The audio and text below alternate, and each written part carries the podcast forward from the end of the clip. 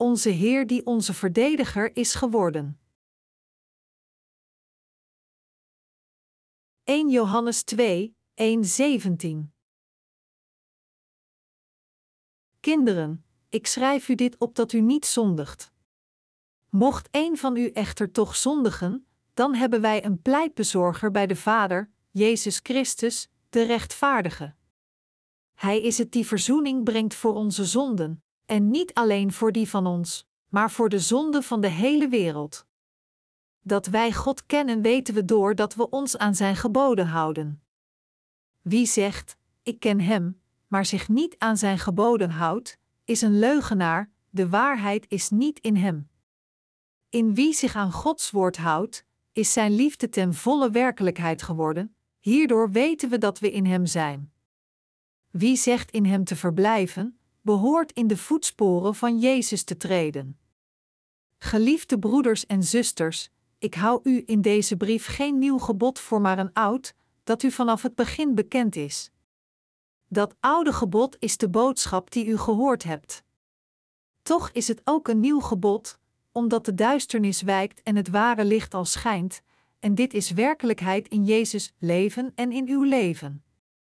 Wie zegt in het licht te zijn, maar zijn broeder of zuster haat, bevindt zich nog altijd in de duisternis. Wie de ander lief heeft, blijft in het licht en komt niet ten val komt, maar wie de ander haat, bevindt zich in de duisternis. Hij gaat zijn weg in het duister, zonder te weten waarheen die weg voert, want de duisternis heeft hem blind gemaakt. Kinderen, ik schrijf u dat uw zonden u vergeven zijn omwille van zijn naam. Ik schrijf u, ouderen, u kent hem die er is vanaf het begin. Ik schrijf u, jongeren, u hebt hem die het kwaad zelf is overwonnen. Kinderen, ik schrijf u dus dat u de Vader kent. Ouderen, u schrijf ik, u kent hem die er is vanaf het begin. Jongeren, u schrijf ik, u bent sterk, het woord van God blijft in u, en u hebt het kwaad overwonnen. Heb de wereld en wat in de wereld is niet lief. Als iemand de wereld lief heeft, is de liefde van de Vader niet in hem, want alles wat in de wereld is zelfzuchtige begeerte, afgunstige inhaligheid, pronkzucht, dat alles komt niet uit de Vader voort, maar uit de wereld. De wereld met haar begeerte gaat voorbij, maar wie Gods wil doet, blijft tot in eeuwigheid. Wie is onze verdediger geworden? In het Oude Testament, als een zondaar een offerdier bracht om te offeren aan God, moest hij geloven dat hij het was die moest sterven voor zijn zonden. Zijn offerdier accepteerde in zijn plaats zijn zonde met het opleggen van zijn handen en bloeden tot de dood in zijn plaats voor zijn zonden. Al diegenen die dit soort van geloof hebben, moeten met hun harten geloven dat God al hun zonden heeft vergeven volgens het offersysteem van de tabernakel, dat is, door al hun zonden door te geven aan hun offerdier en bloed van hen te tappen.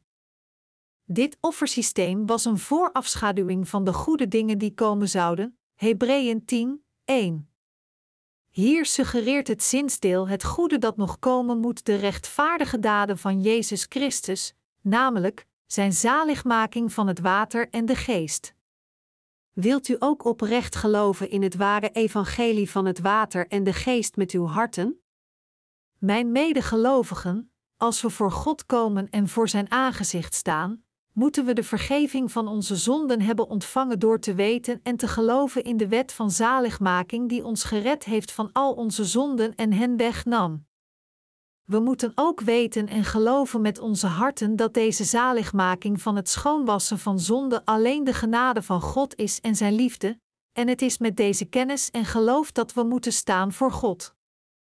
Als de enige manier en geloof voor ieder van ons te worden gered van al onze zonden, moeten we geloven dat Jezus Christus de Zoon van God is, en dat door naar deze aarde te komen, te worden gedoopt door Johannes de Doper en dus de zonde van de wereld op zich te nemen, en te sterven aan het kruis en weer van de dood te verrijzen, heeft Hij ons inderdaad perfect gered van al onze zonden, veroordeling en dood.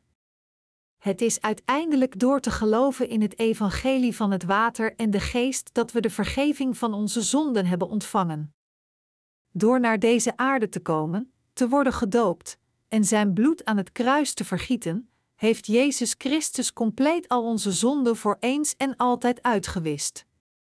Hebreeën 10, 11, 13 zegt: De priesters blijven dagelijks hun dienst verrichten en steeds opnieuw dezelfde offers opdragen die de zonde nooit teniet zullen kunnen doen, terwijl hij, na zijn eenmalig offer voor de zonden, voorgoed zijn plaats aan Gods rechterhand heeft ingenomen, waar hij wacht op het moment dat zijn vijanden voor hem tot een bank voor zijn voeten zijn gemaakt. Mijn beste medegelovigen, Jezus Christus heeft in een keer al de zonden van de mensheid uitgewist, inclusief al uw zonden, door naar deze aarde te komen, te worden gedoopt en zijn bloed te vergieten. Hij heeft niet alleen de zonden van u aan mij uitgewist die we hebben gepleegd sinds we zijn wedergeboren en zullen plegen tot de dag dat we doodgaan, maar hij heeft ook al de zonden van onze afstammelingen voor eens en altijd uitgewist. Jezus Christus is de ene die onze zonden op zich nam en voor ons stierf, de ene die het offer van zaligmaking offerde. Door dus het eeuwigdurende zondeoffer te geven met zijn doopsel en het kruis, heeft Jezus voor eeuwig onze zaligmaking volbracht. U kunt het schoonwassen van uw zonden alleen ontvangen als u gelooft dat Jezus Christus voor eeuwig al uw zonden heeft uitgewist met het evangelie van het water en de geest voor eens en altijd. Geloof alstublieft. U zult dan de eeuwigdurende vergeving van uw zonden ontvangen. En het eeuwige leven ontvangen. Daarom, het is kritisch belangrijk voor ons te realiseren dat het is door te geloven in Jezus Christus, de gastheer van het evangelie van het water en de geest, dat we de eeuwigdurende vergeving van zonde kunnen ontvangen. Diegenen die geloven in het doopsel dat de Messias ontving en het bloed dat hij vergoot aan het kruis als hun eigen vergeving van zonden, zijn inderdaad voor eeuwig vergeven van al hun zonden voor eens en altijd. Maar diegenen die niet geloven in deze evangelische waarheid, zullen zeker de veroordeling van zonde aanschouwen als de dag van Gods oordeel arriveert. God laat hen nu met rust, maar als de dag des oordeels komt, zal iedereen die zonden heeft zeker worden veroordeeld en eeuwig lijden. Diegenen die de vergeving van zonden hebben ontvangen door te geloven in het evangelie van het water en de geest, in tegenstelling, zullen in staat zijn deel te nemen aan de glorie van het Koninkrijk van God. In welk boek staan uw namen nu geschreven?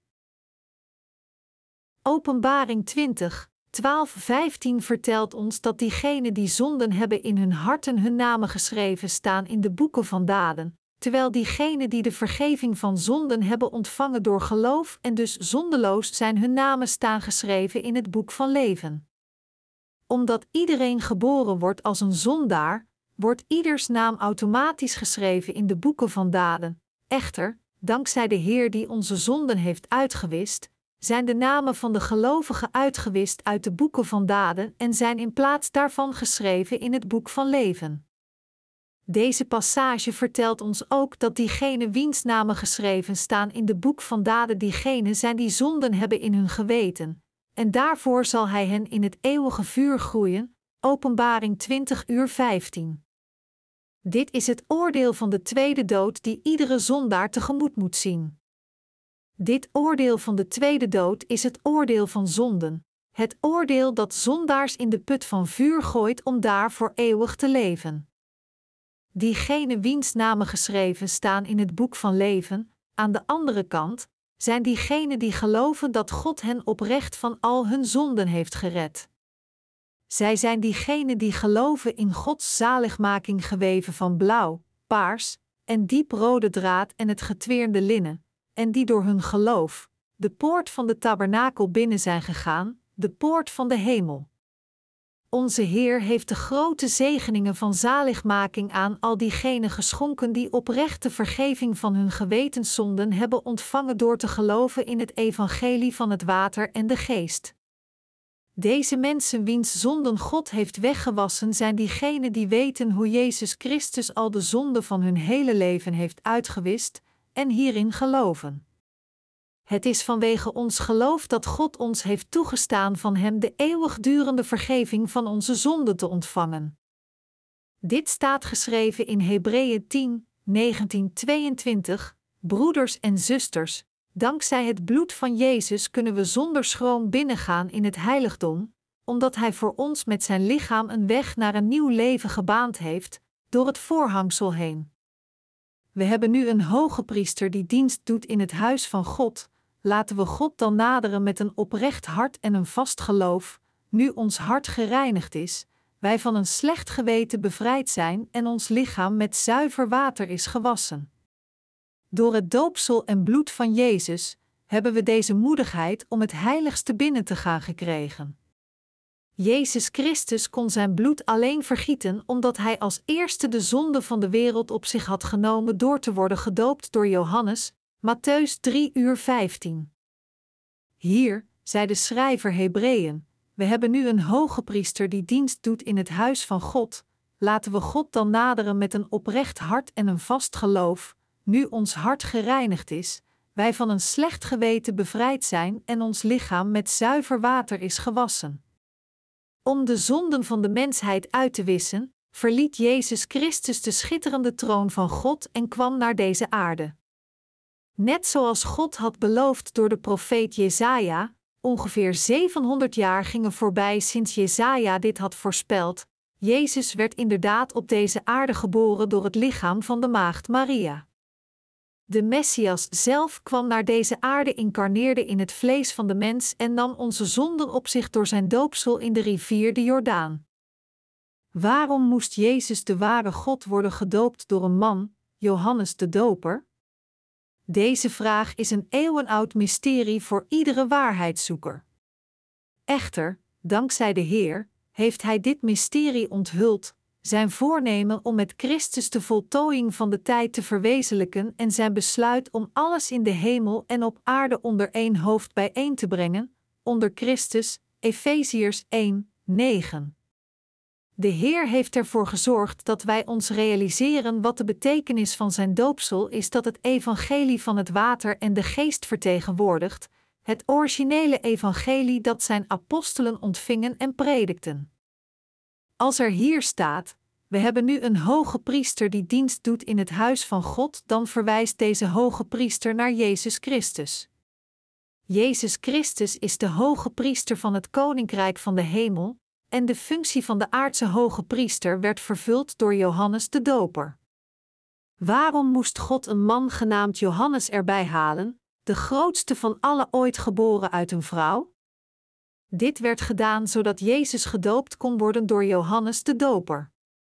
Om ons van de zonde te redden, met andere woorden, God zelf als de hemelse hoger priester boog zijn hoofd voor Johannes de Doper, de vertegenwoordiger van heel de mensheid, Matthäus 11 uur 11, en accepteerde het doopsel waardoor hij de zonde van de wereld ontving. Het was om onze zonde te dragen dat Jezus Christus zijn eigen lichaam neerlegde als ons eigen offering en gedoopt werd door Johannes de Doper. Jezus Christus werd geofferd aan God de Vader als onze verzoening.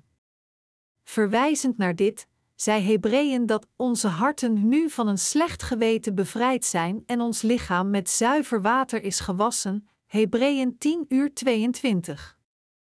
Deze passage zegt ook, daarvoor, laten we God dan naderen met een oprecht hart en een vast geloof, Hebreeën 10 uur 22. Het vertelt ons dat diegenen die zich hebben gerealiseerd dat zij een berg van zonden zijn nu gereinigd zijn van een slecht geweten en hun lichamen met zuiver water zijn gewassen.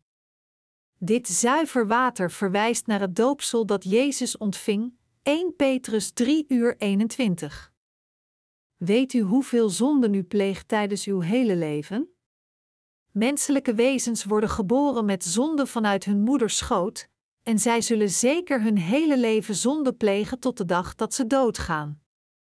Iedereen, met andere woorden, wordt geboren met meer dan een dozijn aan zondige gedachten, slechte gedachten, overspel, ontucht, moorden, diefstal, hebzuchtigheid, verdorvenheid, oneerlijkheid, wellustigheid, het slechte oog, godslastering, trots en dwaasheid. Marcus 7, 20. 22 en zij zondigen hun hele leven met beide hun lichamen aan harten.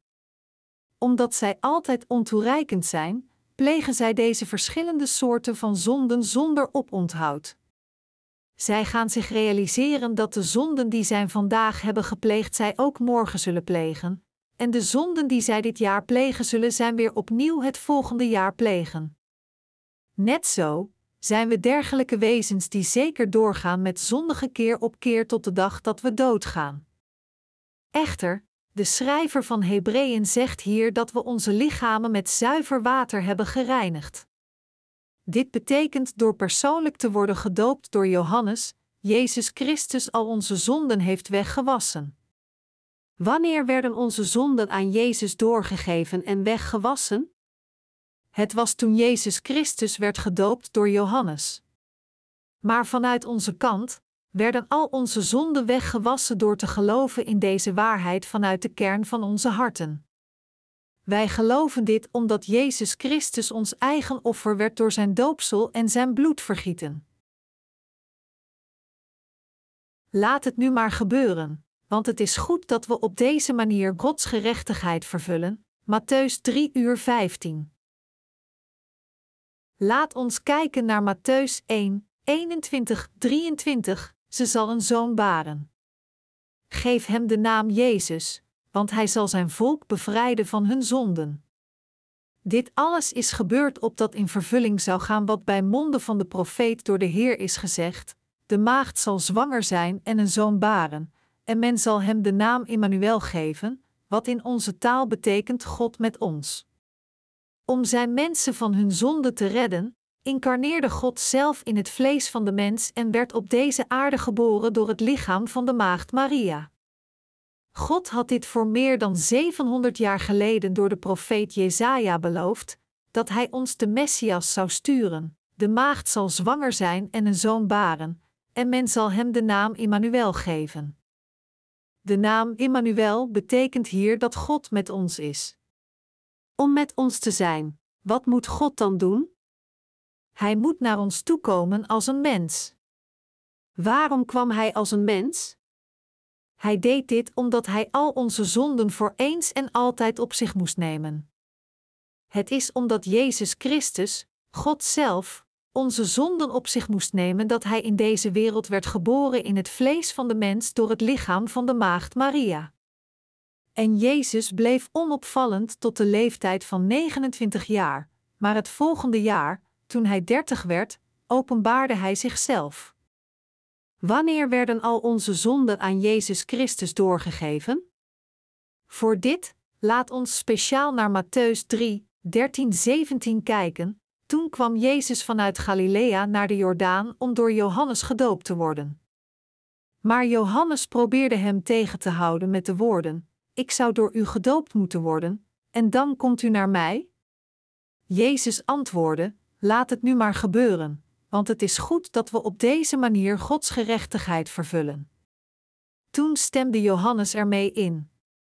Zodra Jezus gedoopt was en uit het water omhoog kwam, opende de hemel zich voor hem en zag hij hoe de geest van God als een duif op hem neerdaalde. En uit de hemel klonk een stem: Dit is mijn geliefde zoon, in hem vreugde. De reden waarom Jezus werd gedoopt door Johannes de Doper.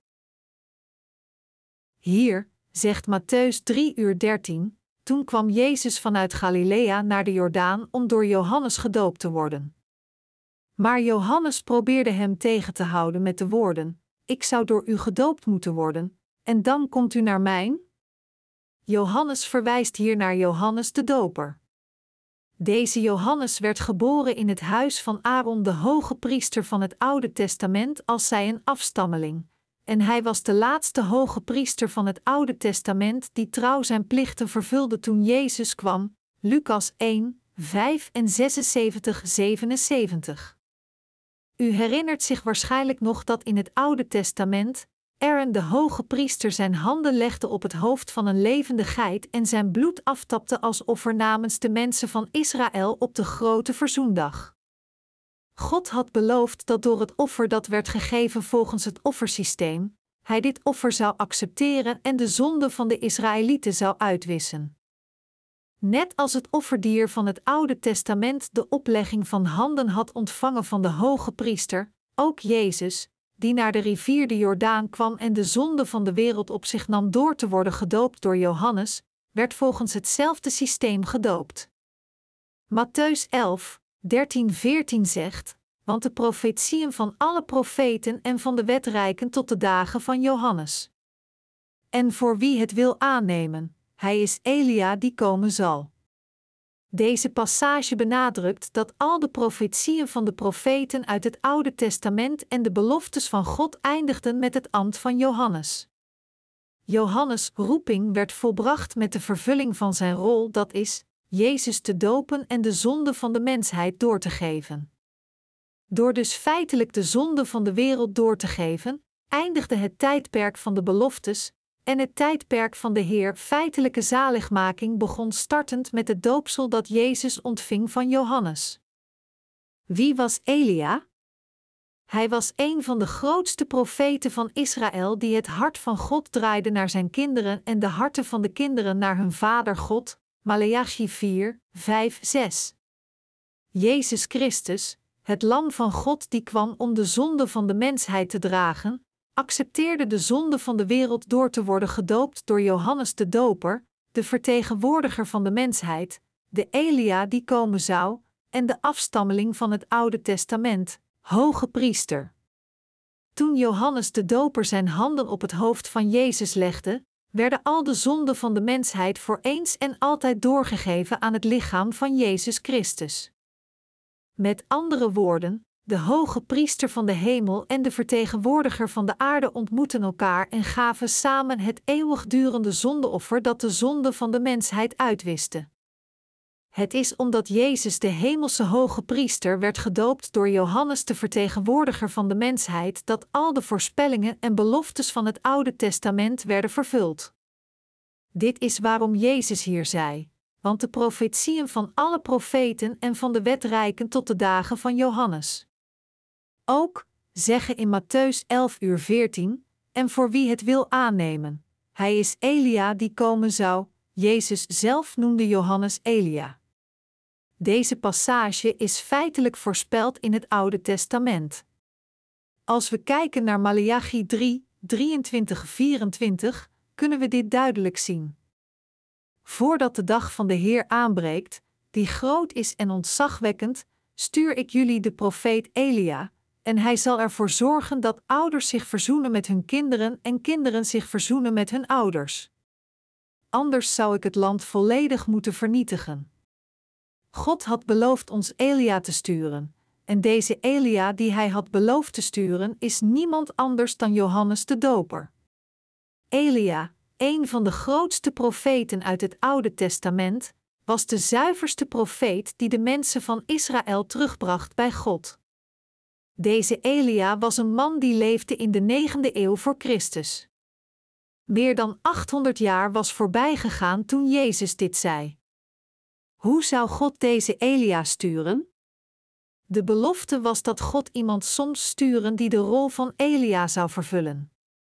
Daarom is deze passage hier een voorspelling over Johannes de Doper. Door Jezus te dopen, draaide Johannes de Doper de harten van de mensheid terug naar God. In Matthäus 11, 11, 12 getuigt Jezus zelf ook over Johannes de Doper: Ik verzeker jullie, er is onder alle die uit een vrouw geboren zijn nooit iemand opgetreden die groter was dan Johannes de Doper, maar in het koninkrijk van de hemel is de kleinste nog groter dan hij. Sinds de dagen van Johannes de Doper wordt het koninkrijk van de hemel door geweld bedreigd en proberen sommigen er zelfs met geweld beslag op te leggen. Wat betekent deze passage? Het betekent dat God had beloofd voor eeuwig ieders zonde uit te wissen, en dat volgens deze belofte, hij als de hemelse hoge priester, al de zonden van al de mensen door de eerste hoge priesters accepteerde.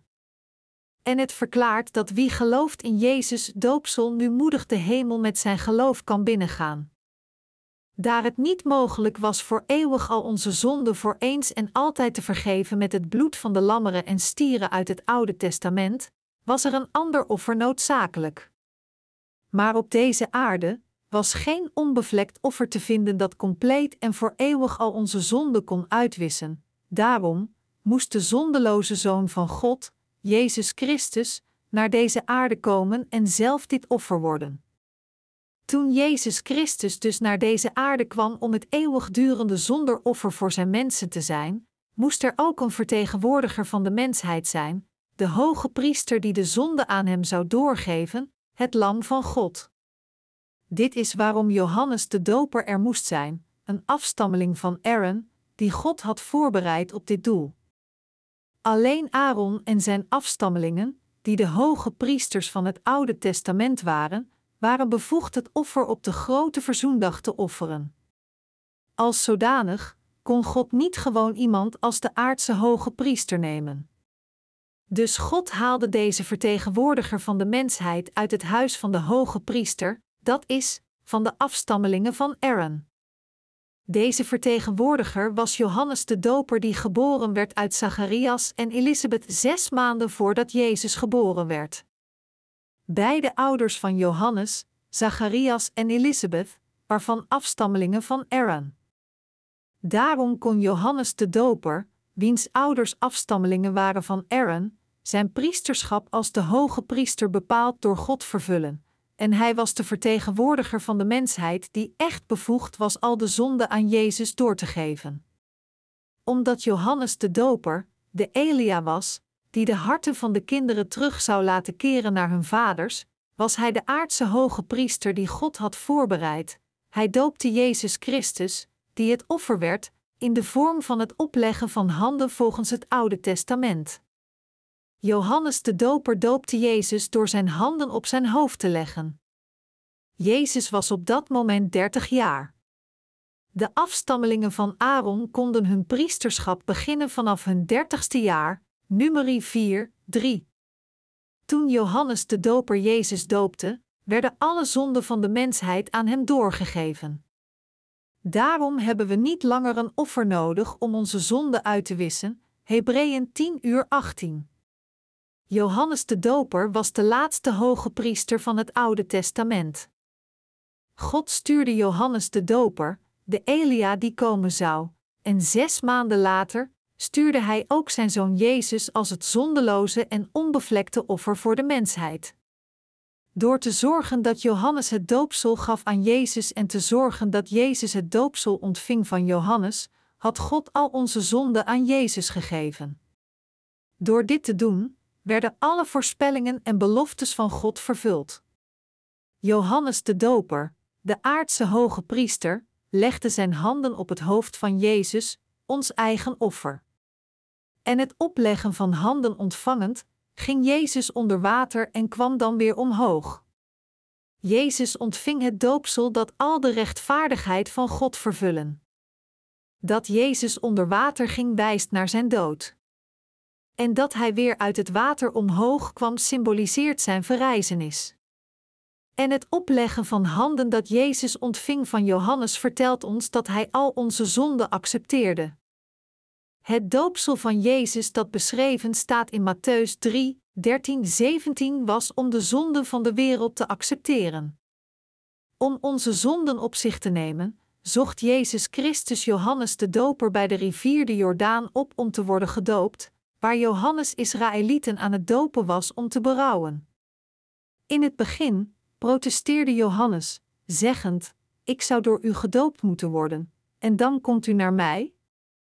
Johannes de Doper probeerde te voorkomen dat Jezus werd gedoopt omdat hij wist dat terwijl hij de enige aardse hoge priester was, Jezus Christus de hoge priester van de hemel was, en hij kon het zelf niet verdragen, gewoon als mens, zijn handen op Gods eigen hoofd te leggen. Maar Jezus was in staat hem overtuigend te bevelen: laat het nu maar gebeuren. Waarom kwam de hoge priester van de hemel naar deze aarde? Hij kwam naar deze aarde om ons voor eeuwig en altijd van onze zonde te redden, niet door de bloedoffers van geiten en stieren, maar door zijn eigen lichaam te offeren. Hebreeën 9 uur 12. Door zijn doopsel van Johannes te ontvangen, accepteerde Jezus al de zonden van de wereld op zijn lichaam, en door zijn lichaam aan God de Vader te offeren, heeft Hij ons van al onze zonden gered. Net zo accepteerde Jezus al onze zonden door te worden gedoopt, zijn lichaam aan God de Vader te offeren door te worden gekruisigd, en werd daarmee ons eigen offer voor de verzoening van al onze zonden, dus ons alle reddend. Dan, zei Jezus overtuigend tegen de twijfelende Johannes: Laat het nu maar gebeuren, want het is goed dat we op deze manier Gods gerechtigheid vervullen. Johannes de Doper realiseerde zich de wil van Jezus en gehoorzaamde hem. Ten slotte legde hij zijn handen op het hoofd van de Messias, en dit was het moment waarop de wil van God correct werd vervuld.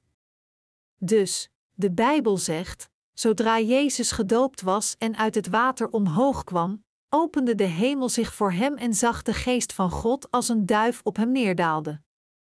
En uit de hemel klonk een stem: Dit is mijn geliefde zoon, in hem vind ik vreugd. Matthäus 3, 16, 17. Het woord doopsel betekent te worden schoongewassen, onder water worden gedoopt en te worden begraven. Als zonden worden doorgegeven, dan moet diegene die deze zonde accepteert sterven. Dus diegene die de zonde doorgeeft is schoon gewassen, en sinds diegene die deze zonde accepteerde moet sterven, moet hij symbolisch worden begraven, dat is, met andere woorden, toen Jezus onder water ging. Johannes de Doper, de vertegenwoordiger van de mensheid, de Elia die komen zou en de hoge priester, doopte Jezus en heeft daarmee de zonde van de wereld aan Jezus Christus doorgegeven, de Verlosser die naar deze aarde kwam iedereen perfect van zijn zonde te redden. De geestelijke betekenis van het doopsel is het doorgeven van zonden. Wat is dan de geestelijke betekenis van het opleggen van handen? Het opleggen van handen betekent ook het doorgeven van zonden of het overdragen van zonden. Daarom, dit opleggen van handen uit het Oude Testament en het doopsel uit het Nieuwe Testament zijn hetzelfde. Als zodanig, door zijn handen op Jezus hoofd te leggen, doopte Johannes de Doper hem om de zonde van de wereld aan hem door te geven. Dat Jezus al onze zonden op zich nam door te worden gedoopt was gepast om heel de rechtvaardigheid van God te vervullen. Wat betekent het zinsdeel, want al dus in de passage, laat het nu maar gebeuren, want al dus betaamt ons alle gerechtigheid te vervullen? Het woord want al dus is hutos in het Grieks, wat betekent op deze manier, of meest gepast, of er is geen andere manier dan deze. Dit woord toont ons dat Jezus onomkeerbaar de zonde van de mensheid op zich nam door het doopsel dat hij ontving van Johannes. Met andere woorden, dit was de enige correcte manier om heel de rechtvaardigheid van God te vervullen, waarbij Johannes de Doper noodzakelijk was, de vertegenwoordiger van de mensheid, om Jezus de Zoon van God te dopen en daarmee hem de zonde van de mensheid gevend. Er staat geschreven: Want God had de wereld zo lief dat Hij Zijn enige Zoon heeft gegeven, opdat iedereen die in Hem gelooft niet verloren gaat, maar eeuwig leven heeft. Johannes 3 uur 16. Door Zijn Zoon Jezus Christus naar deze aarde te sturen, zorgde God de Vader ervoor dat hij het doopsel van de vertegenwoordiger van de mensheid ontving.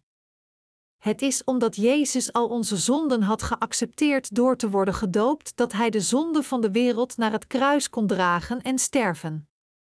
Net zo was Jezus het eeuwigdurende zondeoffer die ons volkomen heeft gered door te worden gedoopt en te sterven aan het kruis. Dit was de voorzienigheid van God. Dit is waarom Jezus in Johannes 3, 5 zei: Niemand kan het koninkrijk van God binnengaan, tenzij hij geboren wordt uit water en de geest. Het is omdat Jezus Christus al onze zonden had geaccepteerd door te worden gedoopt dat hij werd gekruisigd en zijn bloed vergoot in onze plaats.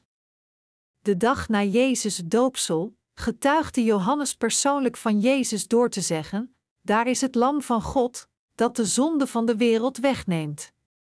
Johannes 1 uur 29 En Jezus, door de zonden van de wereld naar het kruis te dragen en te worden gekruisigd, heeft ons van hen gered. Mijn beste medechristenen, u en ik moeten geloven in dit evangelie van het water en de geest.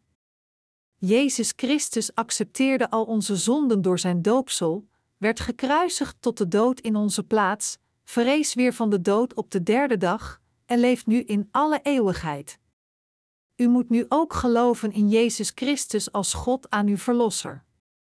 Door al onze zonden te accepteren door zijn doopsel en te sterven aan het kruis, heeft Jezus compleet de wet vervuld die zegt dat het loon van de zonde de dood is. Op deze manier heeft onze Heer u en mij van al onze zonden gered. Dit is waarom God de Vader de poorten van de hemel opende toen zijn zoon werd gedoopt. De Bijbel zegt dat toen Jezus werd gedoopt en uit het water omhoog kwam, poorten van de hemel werden geopend. Zodra Jezus gedoopt was en uit het water omhoog kwam, opende de hemel zich voor hem en zag hij hoe de geest van God als een duif op hem neerdaalde. En uit de hemel klonk een stem: Dit is mijn geliefde zoon, in hem vind ik vreugde. Matthäus 3, 16, 17. God was blij dat Jezus gedoopt werd. Onze God de Vader vervulde de zaligmaking door zijn zoon. Zijn eigen zoon nemend als het offer voor onze zonden, zorgde hij ervoor dat zijn zoon al onze zonden en veroordeling droeg, en heeft daarmee de hele mensheid gered. Ten einde de mensheid van al hun zonden te redden volgens de belofte uit het Oude Testament, heeft God de Vader zijn rechtvaardigheid precies volgens zijn beloofde manier vervuld. In de geschrifte passage van vandaag zei de apostel Johannes: Kinderen, ik schrijf u dit op dat u niet zondigt. Mocht een van u echter toch zondigen, dan hebben wij een pleitbezorger bij de Vader, Jezus Christus, de rechtvaardige. Hij is het die verzoening brengt voor onze zonden, en niet alleen voor die van ons, maar voor de zonden van de hele wereld. 1 Johannes 2, 1 2. We moeten erkennen dat Johannes in deze passage spreekt over het evangelie van het water en de geest. Met andere woorden, Jezus heeft al de zonden van de wereld uitgewist. Wie werd de verzoening voor de hele wereld? Jezus Christus is de Heer die, om de zonde van de wereld, werd gedoopt door Johannes de Doper, en daarmee al de zonden van de wereld op zich nam en hen voor eens en altijd heeft weggewassen. Wat de apostel Johannes hier vertelt is niet dat we dagelijks worden vergeven van onze zonden iedere keer dat we in deze wereld zondigen en wanneer we onze gebeden van berouw zeggen, maar dat Jezus Christus al onze zonden voor eens en altijd door het evangelie van het water en de geest heeft weggewassen. Wie is onze verdediger? Alleen Jezus Christus, die ons heeft bevrijd van de zonde van de wereld, is onze verdediger. Deze passage vertelt ons, met andere woorden, dat als iemand in deze wereld zondigt, we Jezus Christus als onze verdediger voor de Vader hebben. De verdediger verwijst hier naar onze Heer, wat aangeeft dat Jezus Christus betreffende onze zonde ons verdedigt bij de Vader. Jezus Christus is de Verlosser die ons perfect heeft gered van de zonde van de wereld. Dit is waarom als een gelovige in het evangelie van het water en de geest zondigt, Jezus Christus die onze Verlosser is geworden spreekt tegen God de Vader namens ons en tegen ons zeggend, om al zijn zonden uit te wissen, werd ik gedoopt door Johannes de Doper. Daarom is hij niet schuldig, Vader, want hij gelooft in het evangelie van het water en de geest. Jij, mijn kind, ben niet bang voor je zonden die je deze dagen hebt gepleegd. Weet je niet dat al deze zonden ook werden weggewassen door mijn doopsel en bloedvergieten aan het kruis? Geef je zonden toe en beleid ze voor God, en heb vertrouwen in het evangelie van het water en de geest en overdenk het weer opnieuw. Wat is een oprechte belijdenis? Het is onze dagelijkse zonden te beleiden door ons geloof in het evangelie van het water en de geest te plaatsen. Deze passage vertelt ons dat na te geloven in het evangelische woord van het water en de geest, als we weer opnieuw zonde plegen voor God, dan moeten we deze zonde aan Jezus Christus beleiden en geloven dat de Heer ook deze zonden heeft weggenomen. Wat we ons hier duidelijk moeten realiseren is dat het niet vanwege onze belijdenis is dat onze zonden zijn weggewassen. Echter, Het is omdat onze Heer onze persoonlijke zonde op zich nam door het doopsel dat Hij ontving dat deze persoonlijke overtredingen van u opgelost zijn door uw geloof. Dit is omdat toen onze Heer naar deze aarde kwam en werd gedoopt door Johannes de Doper, Hij reeds al de zonde van de wereld voor eens en altijd op zich had genomen. En omdat Hij reeds de veroordeling van onze zonde droeg aan het kruis, is alles dat we moeten doen ze beleiden en geloven in het evangelie van het water en de geest. Als zodanig, door dus te geloven dat onze Heer al de zonden die we ooit hebben gepleegd en ooit zullen plegen tijdens ons hele leven op deze aarde al heeft weggenomen, zijn we gered van al onze zonden en bevrijd van onze schuld. Wat de apostel Johannes ons hier vertelt is dat hij wil dat wij, in Jezus Christus, nooit meer gehinderd worden door onze zonden.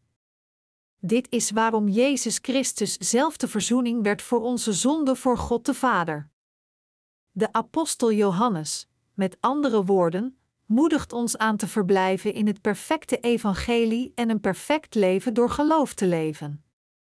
Alleen dan kunnen we echt het oprechte leven van geloof leven. Het is als we deze waarheid kennen dat we al onze zonden alleen door de Heer kunnen wegwassen, dat we nooit meer gebonden zullen zijn door onze zwakheden en we godswerkers kunnen worden.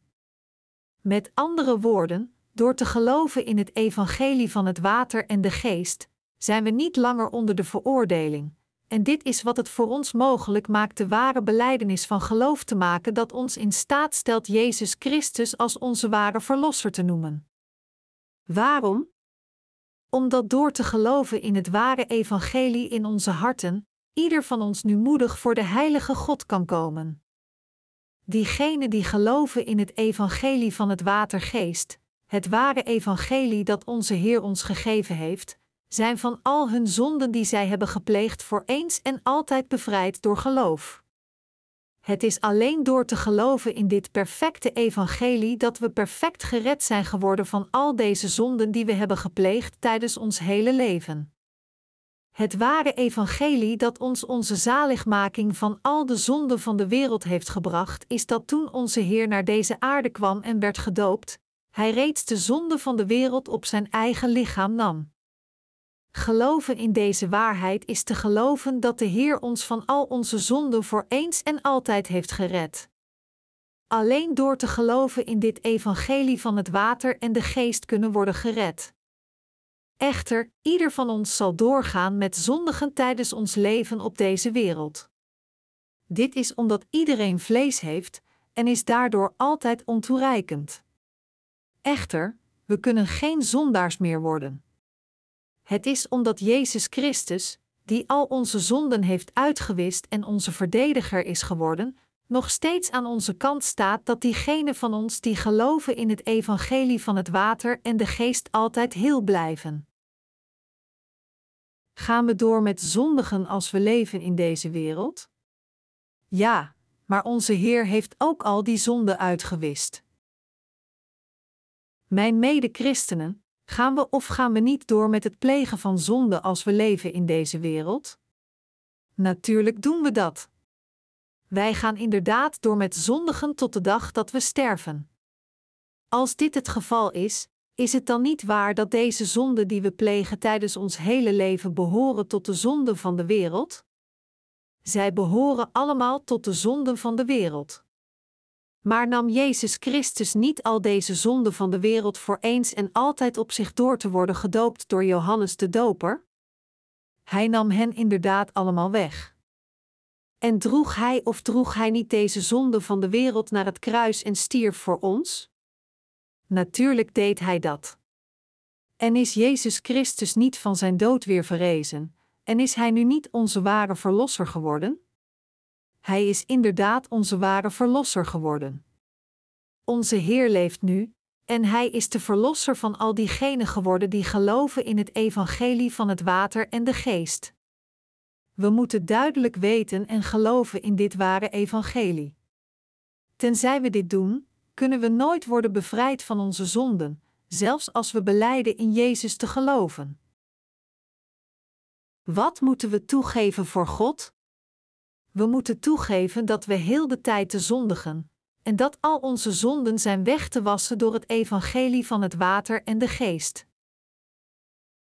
Als we niet toegeven dat we zeker zullen doorgaan met zondigen op deze aarde tot de dag dat we sterven, dan is het gewoon onmogelijk voor ons te geloven in de Heer.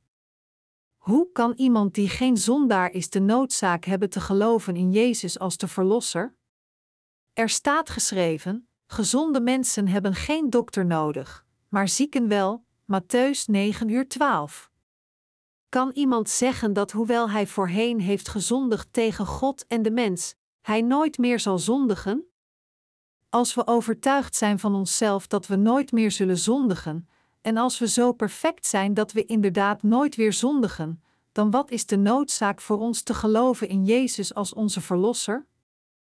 Als iemand niet weet dat Jezus al de zonde van de wereld wegnam en onbewust is over de waarheid dat Jezus heel de rechtvaardigheid van God vervulde door al onze zonden op zich te nemen door Johannes de Doper toen hij werd gedoopt, kan deze persoon worden gered van zijn zonde door op de een of andere manier in de Heer te geloven?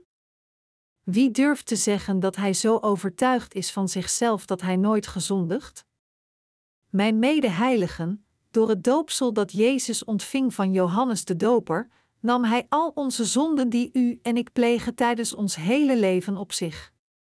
Dit is waarom we moeten geloven in deze Jezus, die al de zonden van ons hele leven wegnam door zijn doopsel, als onze Verlosser, en alleen als we zo geloven kunnen we zondeloos worden. Voordat we geloven in de Heer als onze Verlosser, moeten we als eerste toegeven dat we het zaad van zondigheid zijn, en dat we zeker zullen doorgaan met zondigen tijdens ons hele leven tot de dag dat we doodgaan. Alleen diegenen die hun zondige natuur toegeven voor God kunnen het juiste geloof hebben, en alleen zij kunnen geloven in het ware evangelie van het water en de geest. Het is uitermate belangrijk voor ons toe te geven aan God dat we zeker zullen zondigen tot de dag dat we doodgaan. Wanneer we in deze wereld zondigen vanwege onze zwakheid of voor een andere reden, moeten we toegeven dat we hebben gezondigd. En we moeten ook erkennen dat Jezus al deze zonden voor eens en altijd op zich nam door te worden gedoopt door Johannes de Doper, en dat al onze zonden inderdaad aan Hem werden doorgegeven, alleen dan kunnen we het ware geloof hebben. Het is als we dergelijk geloof hebben dat we ons verder van al onze zonden verplaatsen en van de veroordeling van zonden, en dat we een plaats daarvan korter bij de Heer komen te staan. Het is in het evangelie van het water en de geest dat we oprecht schoon kunnen worden en ons verder van de duisternis verplaatsen. Eerder dan te proberen onze zonden voor God te verbergen terwijl we onze levens van geloof voor Hem leven, moeten we voor Zijn helder licht van waarheid komen en beleiden: Heer, ik ben een zondaar. Ik zal zeker zondigen tot de dag dat ik doodga, maar ik geloof dat Jezus naar deze aarde kwam om mij van mijn zonde te redden, en dat Hij al de zonden van deze wereld accepteerde door te worden gedoopt door Johannes de Doper. Door te geloven in de evangelische waarheid van het water en de geest en onze zonden te beleiden, komen we korter bij God in zijn licht van waarheid, want de Heer nam al onze zonden voor eens en altijd op zich door het water en de geest. Net als het offerdier uit het Oude Testament de zonden van de Israëlieten accepteerde met het opleggen van handen, accepteerde onze Heer Jezus al de zonden van de wereld door Johannes de Doper. Voor ons hierin te geloven in datgene wat de Heer voor ons heeft gedaan, is echt het juiste geloof.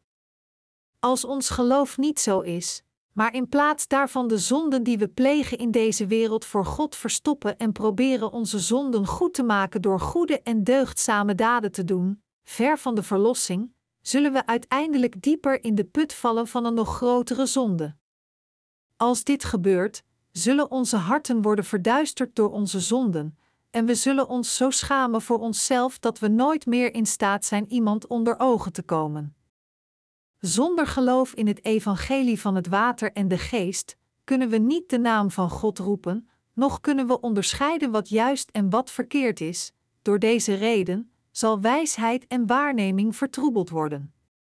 Dit is wat Satan wil dat er met ons gebeurt. Voor diegenen die niet geloven in het evangelie van het water en geest, en daardoor niet alleen de zonde niet aan Jezus doorgaven, maar zelfs proberen zichzelf voor God te verstoppen, zal de grote woede van God hen volgen. Waarom moeten we de zonden die we plegen te beleiden? Het is om te kunnen verblijven in het licht van Gods waarheid, dat is, het evangelie van het water en de geest. We moeten aan God beleiden dat onze zaden van die aard zijn dat we niet anders kunnen dan continu te zondigen, en we moeten ook geloven dat door te worden gedoopt, onze Heer al deze zonden die we plegen in deze wereld tot onze dood op zich nam. We moeten ook geloven dat onze Heer de zonde van de wereld schouderde, hen naar het kruis droeg, en heel de veroordeling van zonde droeg door zijn bloed aan het kruis te vergieten. Het is door te geloven in de evangelische waarheid van het water en de geest dat Jezus voor eeuwig de verlosser van de gelovigen is geworden. Het is door te geloven in het evangelie van het water en de geest dat we zijn schoon gewassen van al onze zonden. En het is door dit geloof dat we Gods eigen mensen zijn geworden. Het is door te geloven in het evangelie van het water en de geest dat we diegenen worden die oprecht zondeloos zijn, wiens harten zo wit als sneeuw zijn. Het is dan dat onze harten zijn licht als een veertje worden in staat de heilige God als zijn werkers te dienen en hem te eren. Mijn beste medeheiligen, niets anders dan dit is de kracht van het evangelie van het water en de geest. Het zogenaamde evangelie van het kruis, waar de mensen van deze wereld in geloven, suggereert dat wij geheiligd zijn door onze eigen dagelijkse pogingen niet te zondigen, maar we kunnen onze harten nooit zo wit als sneeuw schoonwassen door zo te geloven. Tenzij we geloven in het evangelie van het water en de geest, kunnen onze harten nooit zo licht als een veertje worden. We kunnen het niet helpen dan te zondigen in deze wereld, en we zondigen inderdaad heel de tijd, maar als we geloven dat onze Heer al onze zonden wegnam door te worden gedoopt, en de veroordeling van onze zonde droeg door zijn bloed aan het kruis te vergieten, en daarmee mij en u van al onze zonden heeft gered, kunnen we nog steeds Gods kinderen worden alleen door geloof. Moet iedereen zijn fundamentele aard voor God kennen om zijn leven van geloof correct te kunnen leven? Ja, want wie zichzelf niet kent voor God kan niet geloven in het evangelie van het water de geest. De Bijbel beschrijft de Fariseeën als hypocriet. Wanneer zij iemand enigszins voor een beetje onkuis hielden, trokken zij de kap over hun ogen, uit vrees dat zij werden besmet met datgene wat zij zagen. Maar in feite waren zij ook onkuis voor God. Zij waren het soort van mensen die totaal onwetend over zichzelf waren en maar al te gretig anderen doodstenigen, zich constant op de wet beroepend. Dit is niets anders dan het verdrietige portret van de hedendaagse wereldlijke christenen en de dienaren van Satan. Diegenen die zichzelf niet kennen, moeten als eerste leren van Socrates. Wat zei hij tegen ons? Hij sprak de bekende woorden: Ken u zelf. Wat een wijs gezegde is dit. Er zijn vele filosofen in deze wereld geweest, maar niemand liet zo'n bekende uitspraak achter als dit. Socrates zei iets dat een groot filosoof waardig was. Velen van zijn tijdgenoten beriepen zich alleen op hun eigen wijsheid, trots sprekend over ascetisme en hedonisme, en iedereen vertellend hoe te leven. Maar Socrates maakte zich niet druk over hem en zei eenvoudig: Ken u zelf. Voordat u iets zegt, realiseer u als eerste wie u waarlijk bent. Als u zelf zoveel tekortkomingen heeft, wat maakt u dan bekwaam commentaar te geven op wat anderen fout of goed hebben gedaan? De Bijbel maakt ook dit punt. Jezus zei: Huigelaar, verwijder eerst de balk uit je eigen oog, pas dan zal je scherp genoeg zien om de splinter uit het oog van je broeder of zuster te verwijderen. Matthäus 7, 5. Dit, mijn mede-christenen, is de reden waarom we duidelijk moeten zijn over wie we echt zijn en dat we zondige wezens zijn. U moet zich realiseren dat onze Heer de ware verlosser van de zondaars is geworden, en u moet erkennen dat door te geloven in het evangelie van het water en de geest, uw harten zo licht als een veertje zijn. U moet het feit erkennen dat u ontelbaar zonden pleegt terwijl u leeft op deze aarde, En u moet uw dagelijkse zonde aan God beleiden door iedere dag uw geloof in het evangelie van het water en de geest te plaatsen. En u moet ook erkennen dat uw zonden niet langer in uw harten zijn, omdat u gelooft dat onze Heer al uw zonde wegnam door zijn doopsel. Het is door te geloven dat Jezus heel de veroordeling van uw zonden droeg dat uw harten zo licht als een veertje werden. Onze harten zijn zoals van iemand die, door te geloven in de evangelische waarheid van het water en de geest, al zijn zonden heeft erkend en hen allemaal doorgaf aan Jezus. Het hart van diegene die zijn zonde aan Jezus Christus doorgaf door te geloven dat zijn zonden inderdaad werden doorgegeven aan hem door Johannes de Doper niets anders dan dit is het hart dat zo licht als een veertje is. Gelooft u dit? Gelooft u dat Jezus Christus al de zonden van de wereld op zich nam? Gelooft u dat Hij het verzoeningsoffer voor al uw zonden is geworden? Gelooft u dat Jezus Christus onze helper is? Gelooft u dat Hij de Heer is die al onze zonden heeft uitgewist?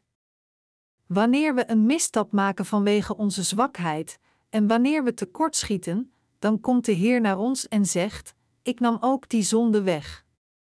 Ik ben jullie verlosser. Ik droeg al jullie zonden. Jullie zijn mijn mensen en mijn kinderen. Dus het is door geloof dat we zijn kinderen zijn geworden. Ik dank onze God voor deze overvloedige genade.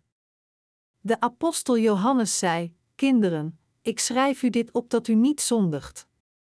Mocht een van u echter toch zondigen, dan hebben wij een pleitbezorger bij de Vader, Jezus Christus, de rechtvaardige. Hij is het die verzoening brengt voor onze zonden, en niet alleen voor die van ons, maar voor de zonde van de hele wereld. Mijn medegelovigen, er zijn veel mensen die lijken op deze Fariseërs die in volkomen tegenstrijdigheid leven met deze passage. Dergelijke mensen geloven dat zij zeer deugdzaam en eerlijk zijn. U hebt waarschijnlijk op tv wel eens aan het licht gebrachte onderzoeksrapportages gezien die immorele en gewetensloze handelingen gepleegd door oneerlijke mensen lieten zien. Hen ziend, voelden vele kijkers zich zeer verontwaardigd en woedend op hen.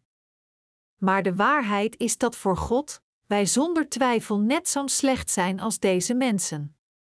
Beiden de journalisten die deze verhalen aan het licht brengen aan de slechterikken die werden onthuld door deze journalisten zijn hetzelfde voor God, zij zijn dezelfde menselijke wezens die eveneens keer op keer zondigen. Toch zijn er mensen die er rare gedachten op nahouden, dat is te zeggen, er zijn mensen die geloven dat zij niet zoals deze slechterikken zijn.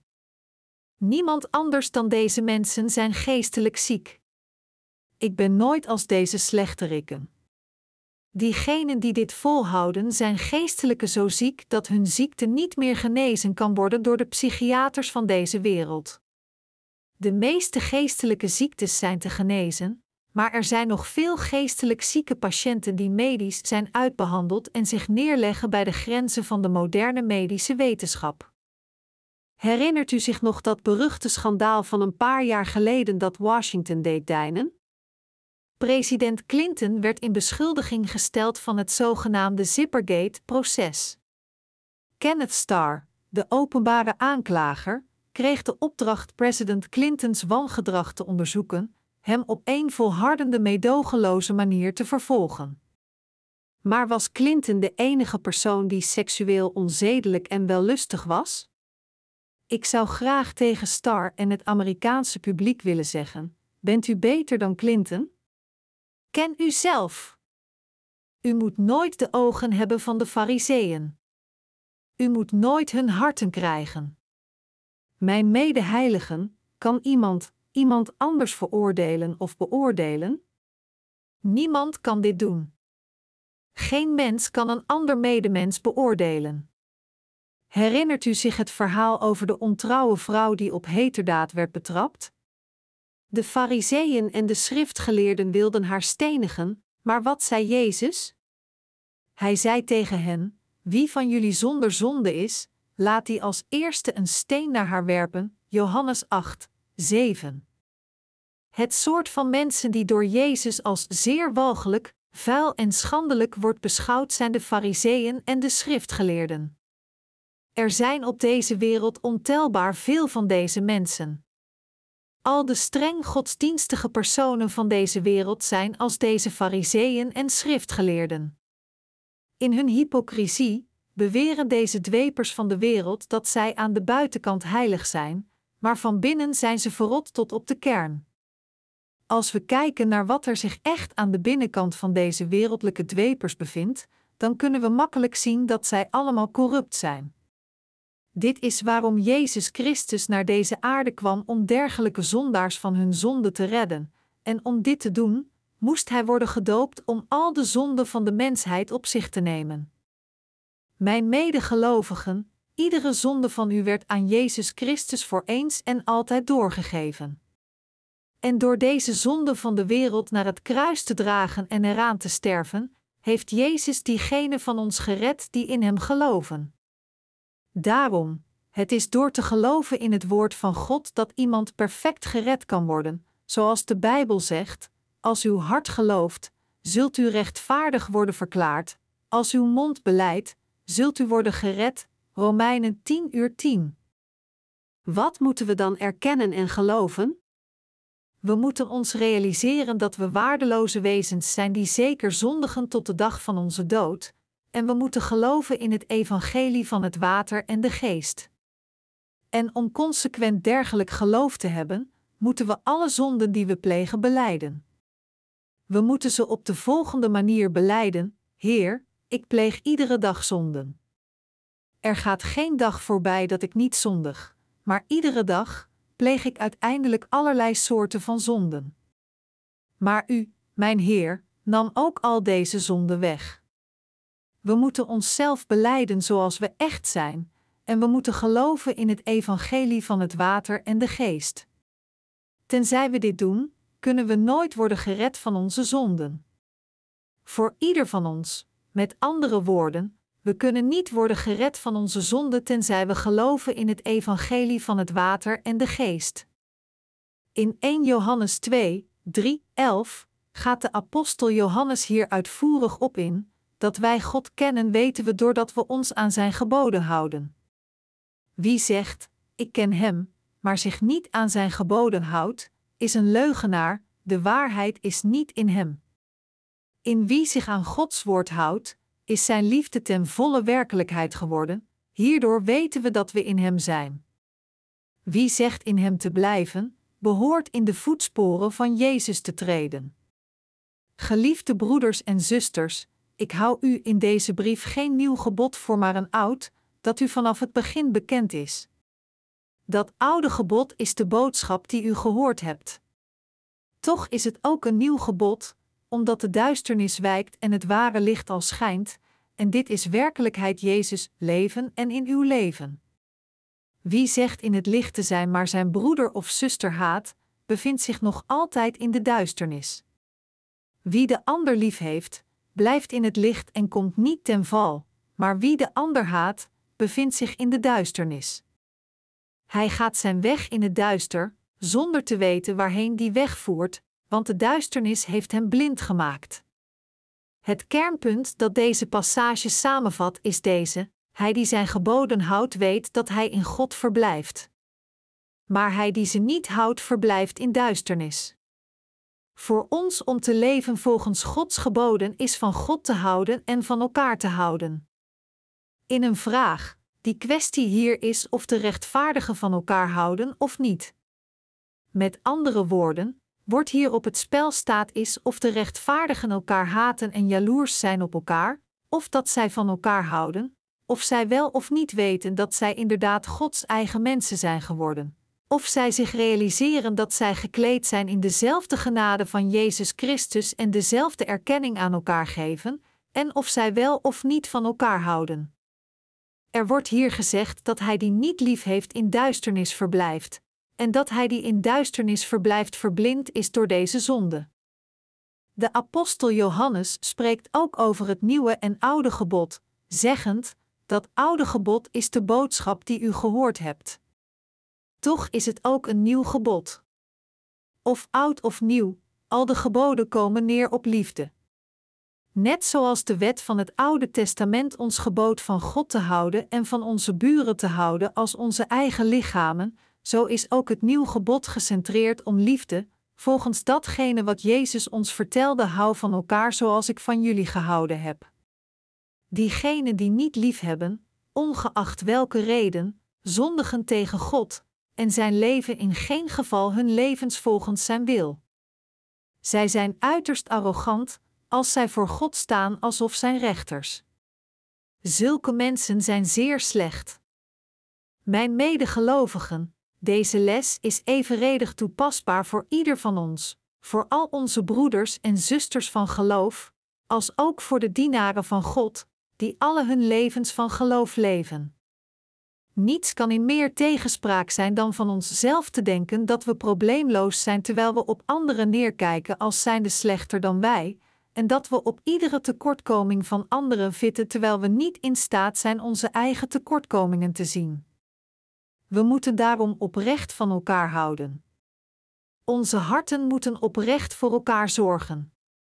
Deze liefde mag niet alleen getoond worden aan de oppervlakte, maar we moeten elkaar koesteren vanuit het diepst van onze harten, realiserend dat onze medegelovigen van ons eigen ras zijn en de mensen van God. Dit zorgzame hart moet van ons zijn. Iedereen die niet dit liefdevolle hart heeft, bevindt zich op het verkeerde pad. De zwakheden van anderen in ons eigen voordeel te veranderen is geen liefde. De zwakheden van anderen in onze eigen zwakheid te veranderen, dat is waar de liefde om draait. Voor diegenen die vreugde vinden in iemand anders zijn zwakheid en dat in hun eigen voordeel keren, kan dit alleen betekenen dat de liefde hen reeds verlaten heeft. Zij verblijven niet langer in het woord van onze Heer. Hoewel zij de vergeving van zonden hebben ontvangen, wandelen zij niet in het woord. God kan zich niet verenigen met dergelijke mensen die de zwakheden van anderen in hun eigen voordeel keren en daar vreugde in vinden, en zij zullen uiteindelijk van iedereen wegdrijven. In Christus moet ieder van ons als een verenigd worden, net zoals bloem deeg wordt. Net zoals bloem in brood kan veranderen en alleen in noedels kan veranderen als het deeg gekneed wordt, als we allemaal verspreid blijven op onszelf, zal dat in niets uitmonden. Als ieder van ons alleen staat, dan worden we makkelijk weggeblazen door de wind. Net zoals het kaf van het koren gescheiden moet worden en de bloem gekneed moet worden tot deeg om in eetbaar brood te veranderen, is het alleen als de rechtvaardigen zich samen verenigen en één worden met God dat we waardige werkers voor Hem kunnen worden. Dit is waarom ieder van ons één moet worden en van elkaar moet houden. Iedereen moet zich onze Heer herinneren die onze verdediger is geworden.